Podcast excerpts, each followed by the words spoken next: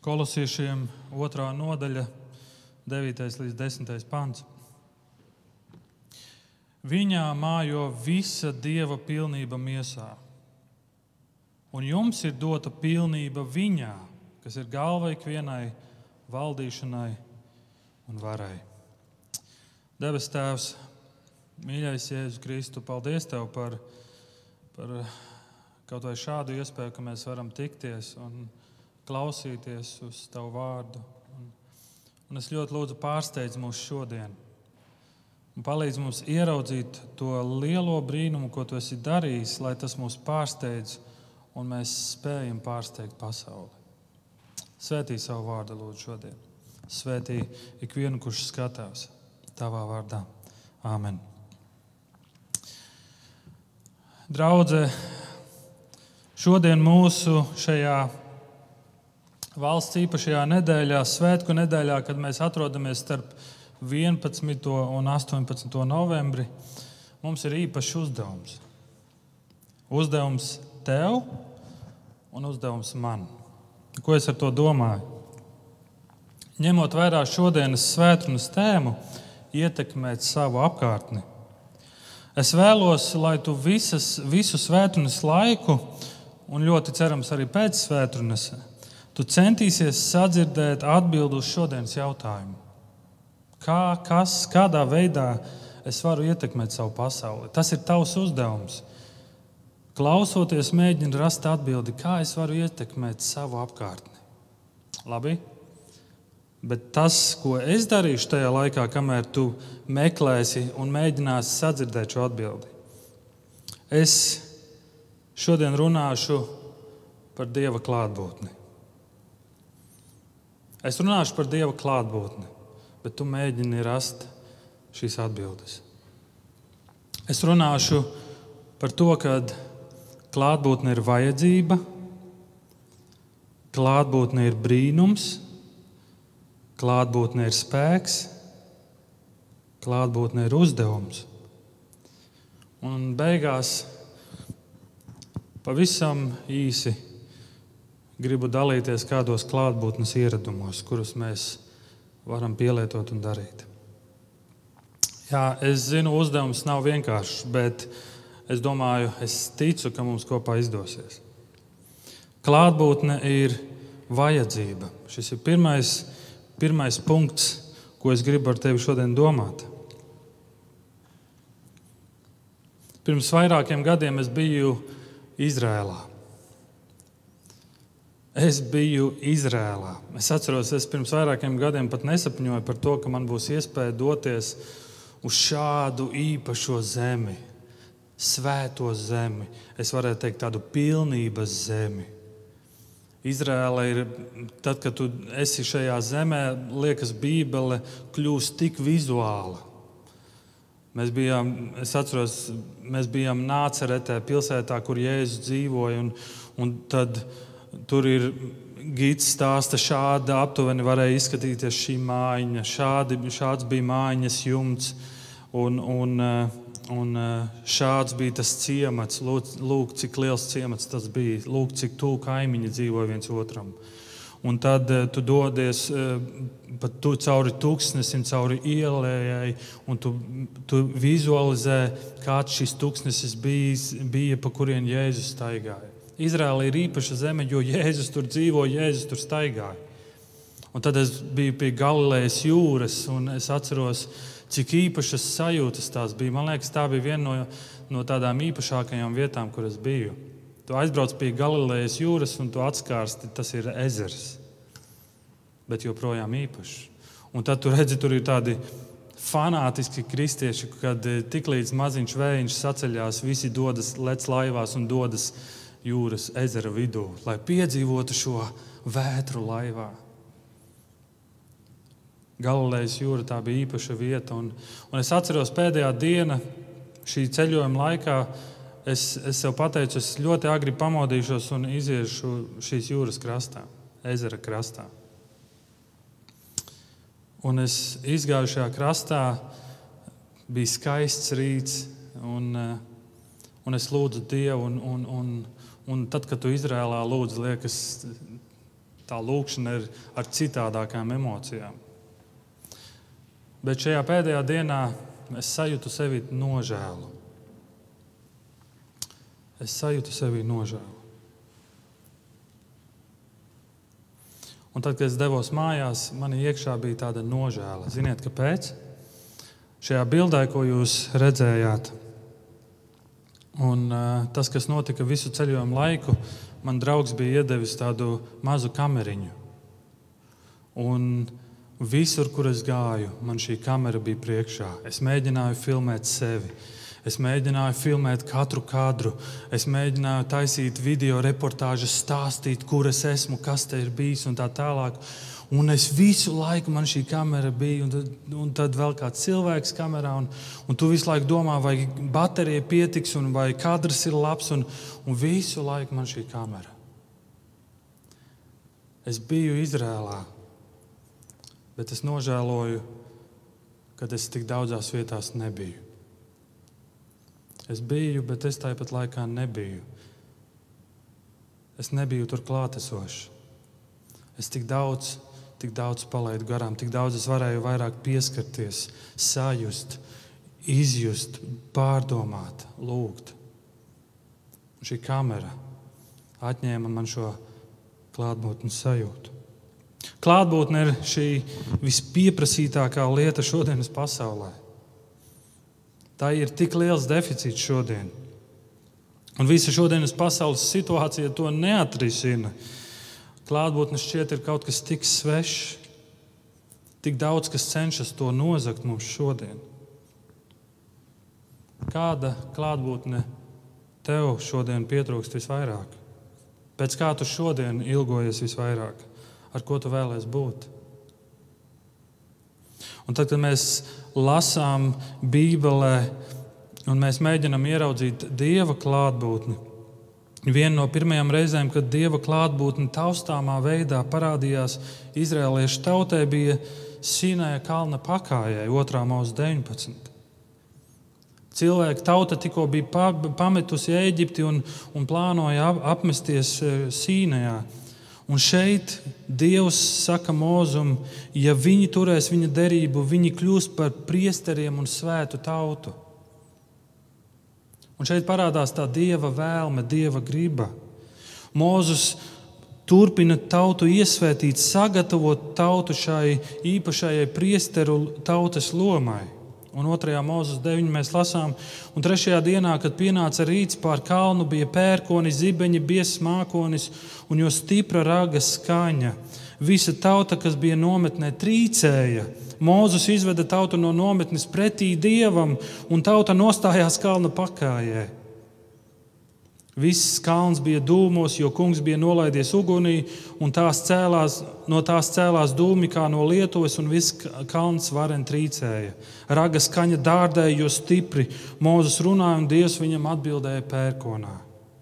Dievs ir spēcīgs. Tāpēc šāda veida ievadam ir jēga. Viņš nāk spēcīgā vētrā, un to pavada trompešu skaņas, dūmi, uguns. Bet šī pie, biedējošā pieredze bija par daudz. Acīm redzot, bija vairāk nekā izrēlieši gaidīja, jo viņi trīcēja no bailēm. Un viņi teica Mozum, viņi nevēlas runāt ar, tieši ar to kungu. Tāpēc viņi ieceļ Mozu un saka, ej, tu runā, tu runā ar mums, bet neļauj Dievam runāt ar mums, lai mēs nenomirtu. Mozus teica tautai, nebīsties, bet tomēr viņi nekāpa kalnā. Tā iemesla dēļ Izraēla tauta stāvēja drošā attālumā, kamēr Mozus runāja ar Dievu. Kurš gan gribētu pietuvoties trīcošam kalnam un pērkonošai balsī? Pareizs jautājums. Bet tas ir Dievs, kurš tikko Izraēla tautu izveda no Eģiptes zemes. Neskatoties uz to, tauta stāvēja tālu, un tikai Mozus tuvojās. Un tikai Mozus tuvojās. Mūzes bija starpnieks ļaudīm, kā viņu priesteris, kas šķiet lieliski. taču tas nebija ideāls. Cilvēkiem bija jākļūst, šai tautai bija jākļūst par priesteru tautu, nevis tikai par tautu ar priesteri. Un tāpēc, kad cilvēki nenāca pie Dieva, viņiem, viņam bija jānāk pie cilvēkiem. Un pēc tam Dievs dod mūzumu uh, telts specifikācijas, kā būvēt telti. Un otrā mūzes 40, 34 mēs lasām, tad mākonis apklāja sajiešanas telti un kunga godība piepildīja mājokli.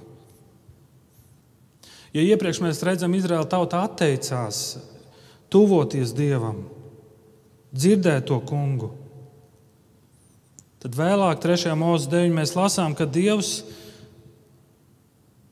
ka dieva klātbūtni pilnīgāk piedzīvoja ar vien lielāka cilvēka grupa. Tā bija, tā bija Ārona ģimene, Levīti. Tas bija milzīgs solis uz priekšu, jau vairāk cilvēki piedzīvo dieva tūmu. Bet atcerieties, dieva vēlme bija priesteru tauta, ka visi piedzīvo dievu tūmu. Visi. Šobrīd Tā ir priesteru grupas atlase, kas pārstāvēja visu Izrēlu. Tas ir lieliski, bet Dievs vēlas kļūt personiskāks. Un tas nozīmē, ka mēs vēl neesam nonākuši tur, kur Dievs vēlas, lai mēs nonāktu. Un tāpēc seko šis otrs punkts - klātbūtne ir brīnums. Mēs nonākam jaunajā derībā un mēs redzam, mēs esam ļoti pārliekuši un redzam vēl pārliekuši daudzām lietām, ko Dievs ir mēģinājis, kā Dievs ir mēģinājis tuvoties. Bet jaunajā darbā mēs lasām šos Pāvila vārdus vēstulē kolosiešiem. Viņā, Kristū, mājo visa Dieva pilnība miesā. C.S. Lewis, kurš ir teologs un Nārnijas kronikas grāmatu autors, reiz teica šādus vārdus: Kristietības centrālais brīnums ir inkarnācija, iemiesošanās. Kad Dievs kļūst par cilvēku, visi citi brīnumi atspoguļo to vai izriet no tā. Kristietības centrālais brīnums ir šī iemiesošanās. Un šī iemieso, inkarnācija, jeb iemiesošanās, ir šī lielā teoloģiskā doktrīna. Tas ir brīnums, ko mēs lasījām dievkalpojuma sākumā, Jāņa, pirmajā, Jāņa evanģēlīja pirmajā nodaļā. Vārds tapa miesa un mājoja mūsu vidū. Tas ir brīnums, ko mēs redzam atkal un atkal, un drīz mēs svinēsim Ziemassvētkus. Iemiesošanās brīnums, tas ir kaut kas neaptverams. Un tas, ko Pāvils kolosiešiem atgādina, kad Jēzus Kristus, šī persona, ir Dieva pilnība miesā. Ir kāda ļoti veca dziesma, ko pēdējā laikā bieži klausos braucot mašīnā. Un es domāju, tās mašīnas, kad es apstājos pie Luksafora, noteikti citi autovadītāji noskatās, jo šī dziesma skan skaļi manā mašīnā. Šī grupa ir tāda grupa no Anglijas, un, un man liekas, tā bija viņu pirmā dziesma, ko viņi ir izlaiduši, ko viņi ir sarakstījuši. Un šīs dziesmas nosaukums ir angļu valodā skan Where is the love? Nosaukums ir vairāk kā jautājums, kur ir mīlestība. Un šai dziesmai ir šāds piedziedājums. Cilvēki nogalina, cilvēki mirst, bērniem sāp, es dzirdu viņus raudam. Vai tu praktizē to, ko sludini? Vai tu pagrieztu otru vaigu? Tēvs, tēvs, tēvs, palīdzi mums, sūti mums kādu no augšas, jo cilvēki man turpina jautāt un jautāt, kur ir mīlestība. Kas ir šī dieva pilnība miesā? Kas ir šis brīnums? Pāvils saka, tas ir Jēzus Kristus. Šis svarīgais teoloģiskais aspekts, ko Pāvils grib uzsvērt un parādīt. Jēzus nav vienkārši skolotājs, nav vienkārši brīnuma darītājs. Viņš ir Dieva attribūtu pilnības iemiesojums. Jēzus, ko sauc par Dieva godības spožumu, dzīvi, viņš dzīvo kopā ar saviem ļaudīm, Jāņa 1,14. Un tad, kad Jānis saka, mājot, šis vārds no grieķu valodas nozīmē dzīvot teltī. Un to viņš attiecina domājot par 2. mūzus 40. Jēzus atnāca pie mums un uzcēla telti, ne to telti, ko vējš Vīlandes pagalmā nogāza. Jēzus ir templis, viņš bija dievišķā krāšņā dieva klātbūtne fiziskā personā. Bet šī klātbūtne nebija tikai par izskatu vai apbrīnu. Tā piemita īpašs spēks. Un tāpēc trešais punkts - šī dieva klātbūtne ir spēks. Tas ir spēks. Un tad, kad mēs skatāmies uz Jēzus dzīvi, mēs redzam, ka viņš fiziski uztver savu aicinājumu, iemiesoties, izdzīvot atkal savas tautas vēsturi. Hozejas grāmata 11. nodaļa, 1. pants. Kad Izraels bija zēns, es viņu mīlēju no Eģiptes, es izsaucu savu dēlu. Tas ir vecajā derībā. Un Mateja evanģēlē autors, kas ir jaunā derība, skaidri arī norāda, kā Jēzus piepilda šo pravietojumu. Mēs lasām, kā Jēzus sākot savu publisko kalpošanu, dodas kristīties pie Jāņa Kristītāja. Un ziniet, ko tas simbolizē? Tas simbolizē Izraēla tautas glābšanos caur sarkano jūru. Jēzus iet kristīties. Vēsturē sarkanā jūra. Uzreiz pēc tam Jēzus dodas uz tūkstnesi, tādā veidā izdzīvojot Izraēla tautas tūkstneša pieredzi. Mateja 4. nodaļa Jēzus tiek kārdināts trīs reizes. Izraēla tauta tūkstnesī bija neusticīga Dievam. Un visās šajās trīs reizēs, kad Jēzus stājas pretī kārdinājumiem, viņš citē rakstus. Bet pievērs uzmanību kādus rakstus. Pirmajam kārdinājumam Jēzus saka, cilvēks nedzīvo no maizes vien. No kurienes? 5. mūzes 8.3. Tas ir, kad Mozus bija ar savu tautu, ar Izraēlu tautu tūkstnesī. Otrais kārdinājums Jēzus atbild ar, ar, ar, ar, ar rakstu vietu: Nekārdini kungu savu dievu. No kurienes tas ņemts 5. mūzes 6.16. Trešais kārdinājums, Jēzus atbild uz trešo kārdinājumu, ir pielūdz kungu savu dievu un viņam vien kalpo. No kurienes Jēzus ņem šos vārdus? 5. mūzes 6, 12 līdz 13.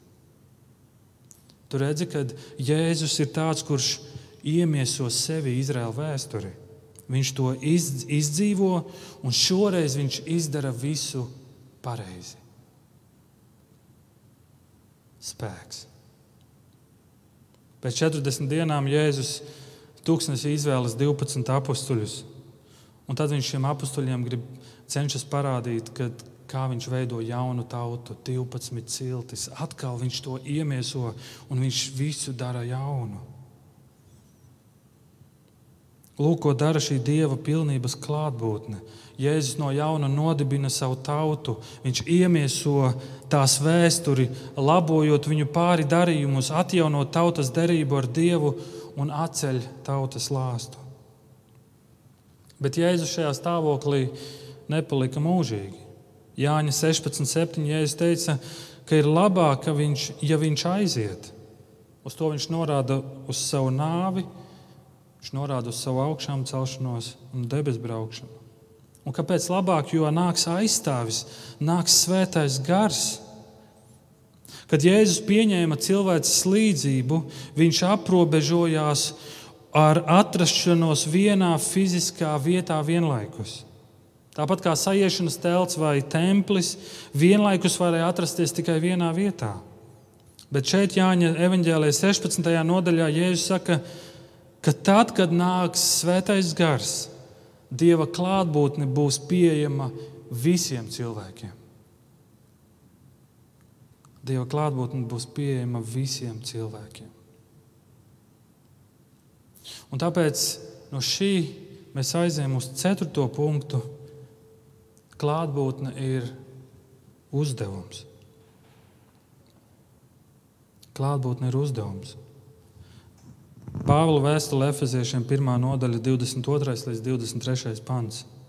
Visu viņš ir nolicis zem Kristus kājām, bet viņu pašu kā galvu pāri visam ir devis draudzē, kas ir viņa miesa, viņa piepildījums, viņa, kas visu visur piepilda. Tu redzi, ka Dieva mērķis ir piepildīt visumu ar sava dēla Jēzus godību, padarot baznīcu par savas pilnības demonstrētāju. Kristus piepilda visumu ar savu godību. Un viņš parāda savu ķermeni. Viņš parāda, kā viņš viņu ir izvēlējies, kā viņš nāca pēc viņas un mācīja viņu, un cieta viņas dēļ, un nomira par viņu, un augšām cēlās par viņu, un valda pār viņu, kā viņš viņu aicināja, attaisnoja, šķīstīja un pasargāja, un kā viņš cels un pagodinās un apmierinās mūžīgi mūžos ar sevi. Jēzus rāda savu ķermeni, kas ir viņa draudzene. Un tāpēc ir šis aicinājums vēstulē Filipiešiem otrajā nodaļā, lai jūsos ir tādas pašas domas kā Kristu Jēzu, kas būdams Dieva veidā neuzskatīja kā satveramu laupījumu būt vienādam ar Dievu, bet sevi iztukšoja, pieņēmis kalpa veidu un tapis pēc cilvēka līdzības un būdams tāds pats kā cilvēks, viņš pazemoja sevi, kļūdams paklausīgs līdz nāvei līdz pat krusta nāvei. Vai tu jau sāci ieraudzīt šo atbildi uz šodienas dievkalpojuma jautājumu? Lai mūsos ir tādas pašas domas, kādas ir Kristus domas. Viņš sevi iztukšoja, viņš pieņēma kalpu veidu un tāpēc pēc cilvēka līdzības, būdams tāds pats kā cilvēks, viņš pazemoja sevi. Sekot Kristum nozīmē darīt. Jēzus pazemoja sevi. Un, kad Bībele runā par pazemību, tā nav emocija. Kad mēs lasām par Jēzu, kurš bija pazemīgs, tad mēs redzam, ka tas nenozīmē, ka Jēzus bija vienkārši sliktākās domās par sevi. Nē, pazemība Jēzus dzīvē ir darbības vārds. Tas ir darbības vārds, un tas norāda uz stipra cilvēka rīcību, apzināti nokāpt, nonākt, noliekties, lai kalpotu citiem. Lūk, klātbūtnes spēks, Dieva pilnības klātbūtnes spēks. Un mēs, draugi, esam Kristus pilnības atspūgs savā apkārtnē. Un lūk, ir mūsu uzdevums būt klātesošiem. Šis ir mūsu uzdevums. Esi klātesošs. Tu šajā brīdī varbūt smējies un domā, Raimond, šajā laikā klātesamība nav iespējams. Bet uzdevums nemainās. Mūsu aicinājums ir būt klātesošiem. Ļauj man to pateikt citiem vārdiem. Mūsu uzdevums ir nest evaņģēliju savā ķermenī, savā miesā. Lūk, ir mūsu uzdevums. 1. Jāņa 1. nodaļa, 3. pants, ko esam redzējuši un dzirdējuši, to pasludinām arī jums, lai arī jums būtu sadraudzība ar mums, un mūsu sadraudzība ir ar Tēvu un Viņa dēlu Jēzu Kristu. Mēs zinām, ka Jēzus ir dzīvs. Kā, kā, kā mēs to zinām, jo Bībele to saka? Jo apstuļi ir to liecinājuši, viņi ir to redzējuši, un viņi šo liecību ir nesuši ar saviem ķermeņiem un liecinājuši citiem. Viņi nesa šīs labās ziņas savās miesās. Un arī Vīlāns draudzē laiku pa laikam mēs piedzīvojam evaņģēlīja izpausmes fiziskā formā, ja tā var teikt. Mēs ik pa laikam svinam kristības. Kristības Vīlandē notiek tā, mēs, mēs pilnībā pagremdējam cilvēku, ticot, ka Jēzus nāve un augšām celšanās reanimācijā ir kaut kas svarīgs, kaut kas spēcīgs, aprakts zem ūdens un augšām celts kopā ar visu jaunai dzīvei.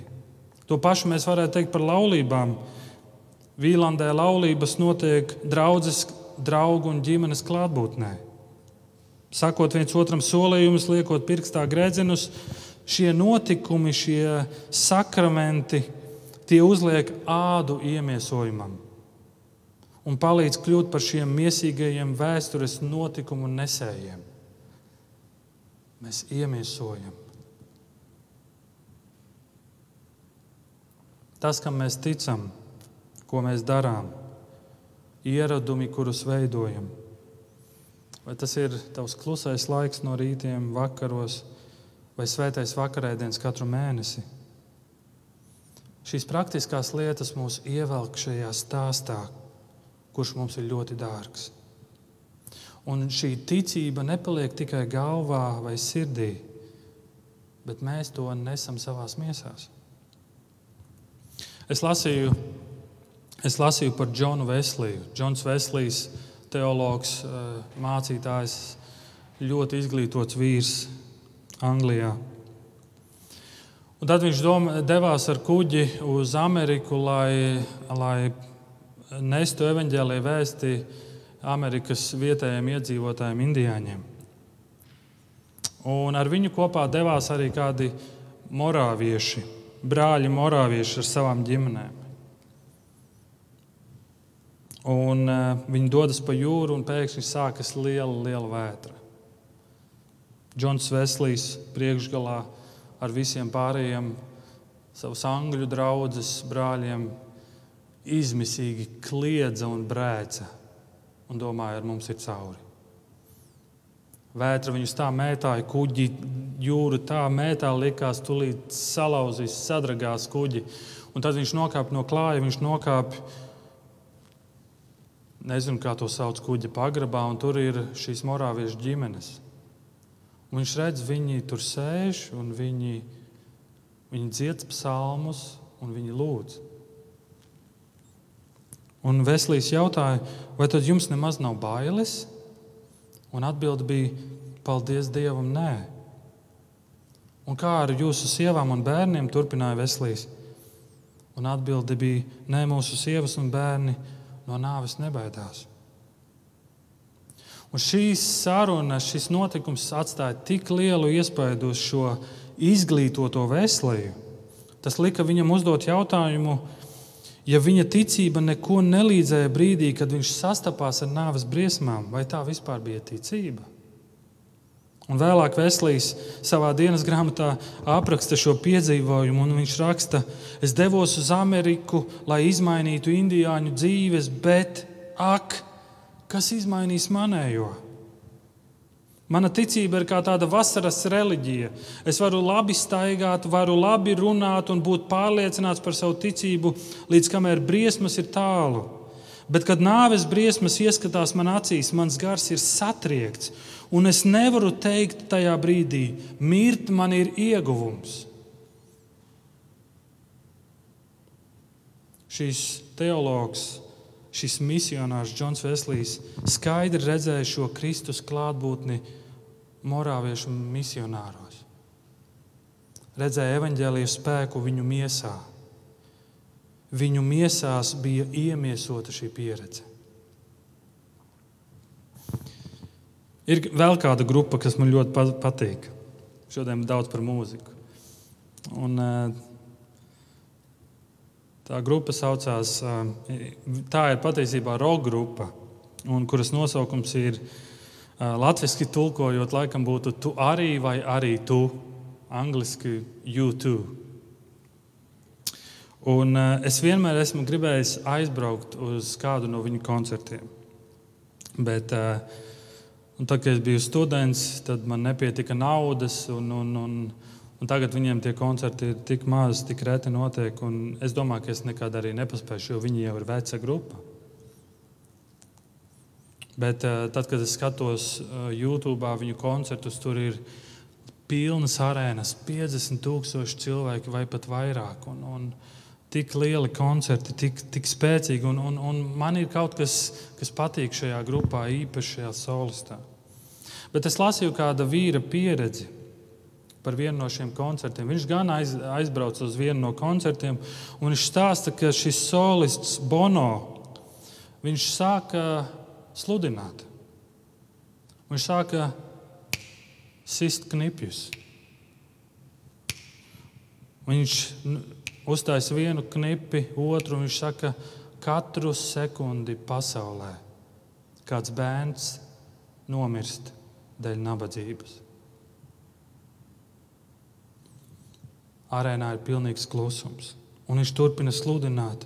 Un viņš, un viņš šo visu lielo pūli, 50 tūkstoši cilvēku, viņš aicina kopīgi iesaistīties un piedalīties nabadzības apkarošanā. Viņš aicināja ar saukli, kopā mēs to varam paveikt. Un visa arēna piebalsoja, un visi aplaudēja, un bija tāds troksnis, spēcīgas emocijas, un, un tur bija nevaldāmas emocijas. Mēs kopā to varam paveikt, mēs uzveiksim nabadzību. Un tad koncerts beidzās, un šis vīrs, ejot ārā, pamanīja kādu lietu. Visi dodas projām no arēnas, un viņš pamanīja, ka pie arēnas ieejas sēž bezpajumtnieks ar izstieptu roku. Un viņš skatās, kā visi 50 tūkstoši paiet garām. Un viņu sauciens kopā mēs to spējam paveikt nebija nekas vairāk kā izteiktas kopīgas emocijas. Tām nebija spēks reaģēt uz nabadzību. Tā bija skaista doma, kas dzīvoja viņu prātos, bet nespēja iemājot ķermenī. Klātbūtne ir uzdevums. Un šis uzdevums nav vienkāršs uzdevums. Tad, kad mēs domājam par klātbūtni kā brīnumu, mēs redzam, ko tas Dievam prasīja. Tas prasīja atdot, atdot sevi. Viņam vajadzēja nonākt šajā salauztajā stāvoklī un mirt, lai pēc tam augšām celtos. Un Jēzus ne tikai to praktizēja, viņš arī dedzīgi mācīja. Jāņa 12, 24. mēs lasām, patiesi, patiesi es jums saku, ja kviešu grauds nekrīt zemē un nemirst, tas paliek viens, bet ja mirst, tas nes daudz augļu. Un lūk, ko Sijas Lūis raksta par šo pantu. Noteikti neviena sēkla nekad nav iekritusi no tik skaista koka, tik tumšā un augstā augsnē. Patiesi, patiesi es jums saku, ja kviešu grauds nekrīt zemē un nemirst, tas paliek viens. Bet, ja mirst, tas nes daudz augļu. Šajā nedēļā, kad, kas ir īpaša nedēļa mums, latviešiem, es noskatījos kādu filmu Rīgas sargi. Esat redzējuši? Spēcīga filma, labs atgādinājums ikvienam latvietim par laiku, kad viņa mazā latviešu armijas rota stājas pretī ienaidniekiem. Un tad tur šajā filmā ir kāda epizode, kas ir patiesa fakts. Ir tika meklēti brīvprātīgie, kuri ir gatavi doties, kuri tika aicināti doties pāri dzelzceļa tiltam, lai cīnītos ar pretinieku. Bet mērķis bija Man liekas, bija izvēlēti kaut kādi simts vīri, simts karavīri, brīvprātīgie. Bija jādodas pāri tiltam ar domu, lai visa uzmanība, lai ienaidnieks visu savu uzmanību vērš uz jums. Un pārējie karavīši vai nu zem tilta, vai ar laivām dodas pāri, lai, nevi, lai viņus nepamana un lai viņi varētu ieņemt pozīcijas un cīnīties ar pretinieku. Es skatos šo filmu, un man, man tek asaras. Bet zinu, ko šī epizode māca? Vīri ar saviem ķermeņiem nes sapni par brīvu Latviju. Tas ir pilnībā iemiesojies sapnis par brīvu valsti, par brīvu tautu. Ko tas maksā? Tas maksā tavu dzīvību. Ko tas maksā Jēzum? Jēzus nāk uz šo pasauli, viņš nāk pār šo tiltu. Viņš pats izvēlējies to darīt. Viņš nāk pār šo tiltu, skaidri zinādams, ka priekšā viņu gaida krusts. Priekšā viņu gaida krusts. Un viņš dodas pār šo tiltu. Jāņa 3.16.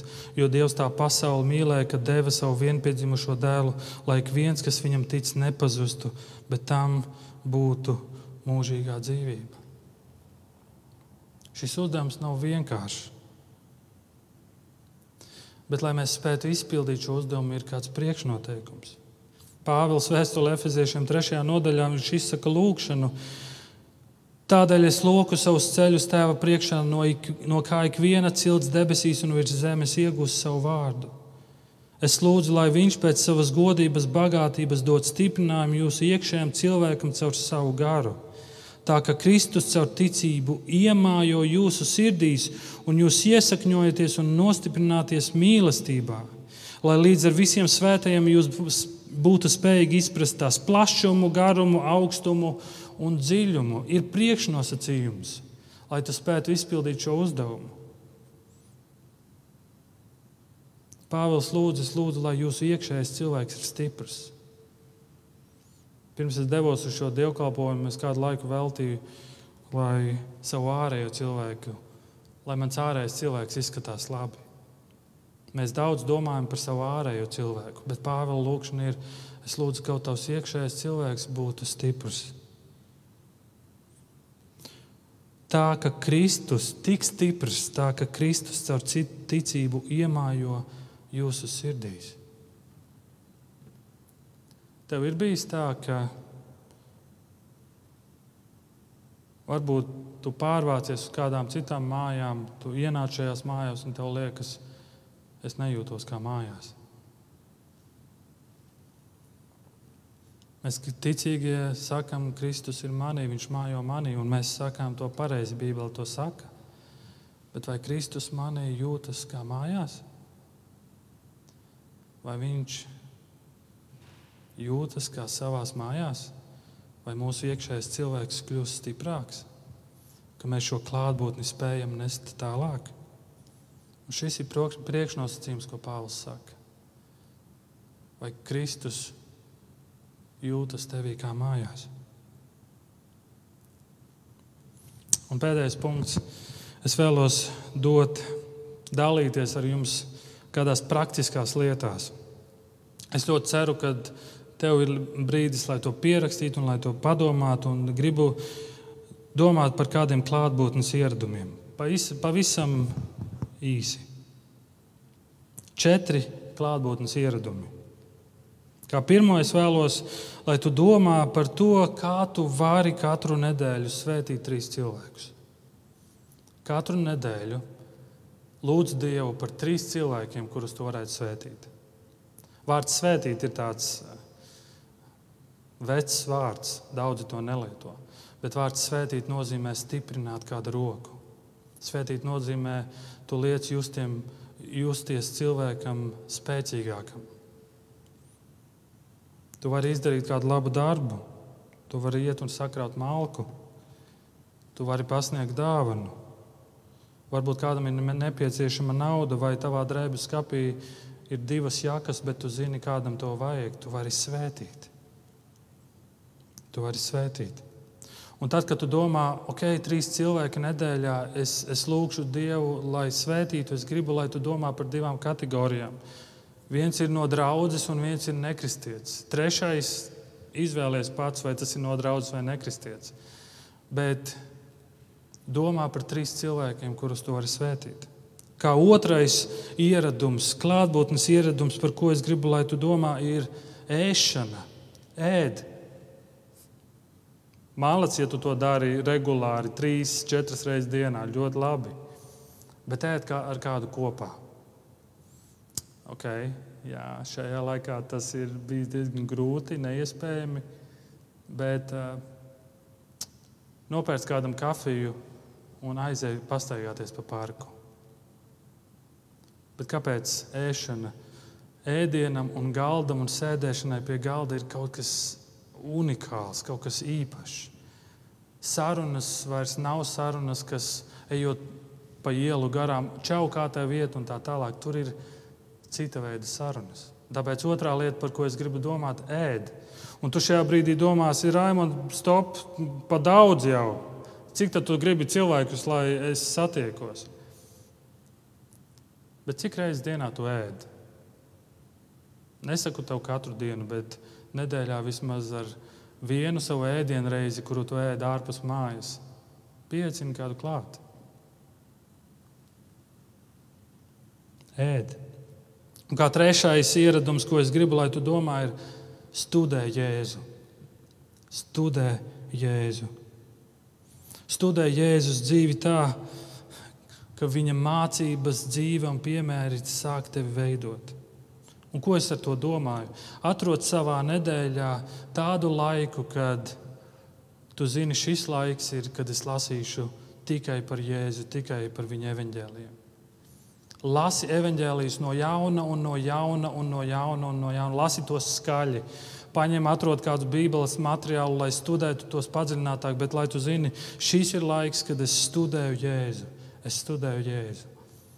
Kāpēc tas ir svarīgi? Jo, ja tu trīs reizes, trīs cilvēkus nedēļā gribi svētīt, un ja tu ar cilvēkiem ēdīsi kopā, tev noteikti būs sarunas. Un cik forši būtu, ja šajās sarunās tas Jēzus, ko tu esi piedzīvojis, iepazīstināts tev personiskāk, būtu klātesošs. Nes šo Jēzus klātbūtni šiem cilvēkiem. Un ceturtā lieta, ceturtais ieradums ir viss patiesībā, par ko ir bijis šis svētdienu kurs tuvāk. Ceturtais ieradums ir ieraugi sevi, skaties uz sevi kā tādu, kurš ir sūtīts. Esi sūtīts. Ieraugi sevi kā tādu, kurš ir sūtīts. Dievs ir miera Dievs, Dievs ir žēlastības Dievs, Viņš dziedina, Viņš ir taisnīgs. Un ko es ar to domāju? Ieraugi, ka esi sūtīts. Pamēģini ieviest sev dienas grāmatu. Varbūt tu jau raksti dienas grāmatu. Vismaz reizi nedēļā, vai varbūt katru dienu atrod laiku, kad tu pieraksti šajā dienā, šajā dienā es izrādīju žēlastību šim cilvēkam. Vai šajā dienā es biju izrādīju taisnību, vai es biju taisnīgs, vai es biju godīgs, bet pieraksti, kā tu esi su, bijis sūtīts šajā dienā. Pieraksti šīs lietas, domā par šīm lietām, fokusējies uz šīm lietām. Jo mēs visi esam sūtīti nest šo dieva klātbūtni mūsu apkārtnē. Vīlāns draugs, lai Dievs palīdz man, mums kā draudzēji, ka mūsu pazīst draugi, kā jā, mēs saucam sevi par Vīlāns draugu. Bet, kad cilvēki ierauga Rīgā, Latvijā, mēs esam klātbūtnes draugi. Lai Dievs mums svētī uz to. Lūksim! Jēzus Kristu, paldies! par Tavu vārdu, paldies par to, ko Tu mums māci šodien. Paldies par Tavu klātbūtni caur Tavu svēto garu. Un es ļoti lūdzu, palīdzi, ka mūsu iekšējais cilvēks nostiprinās un kļūs stiprāks. Un ka Tu mūsos jūties kā mājās. Jā, pie mums vēl ir daudz darba. Tu ienāc mūsu bibliotekā un tu redzi, kādas grāmatas tur ir, kādus video mēs skatāmies.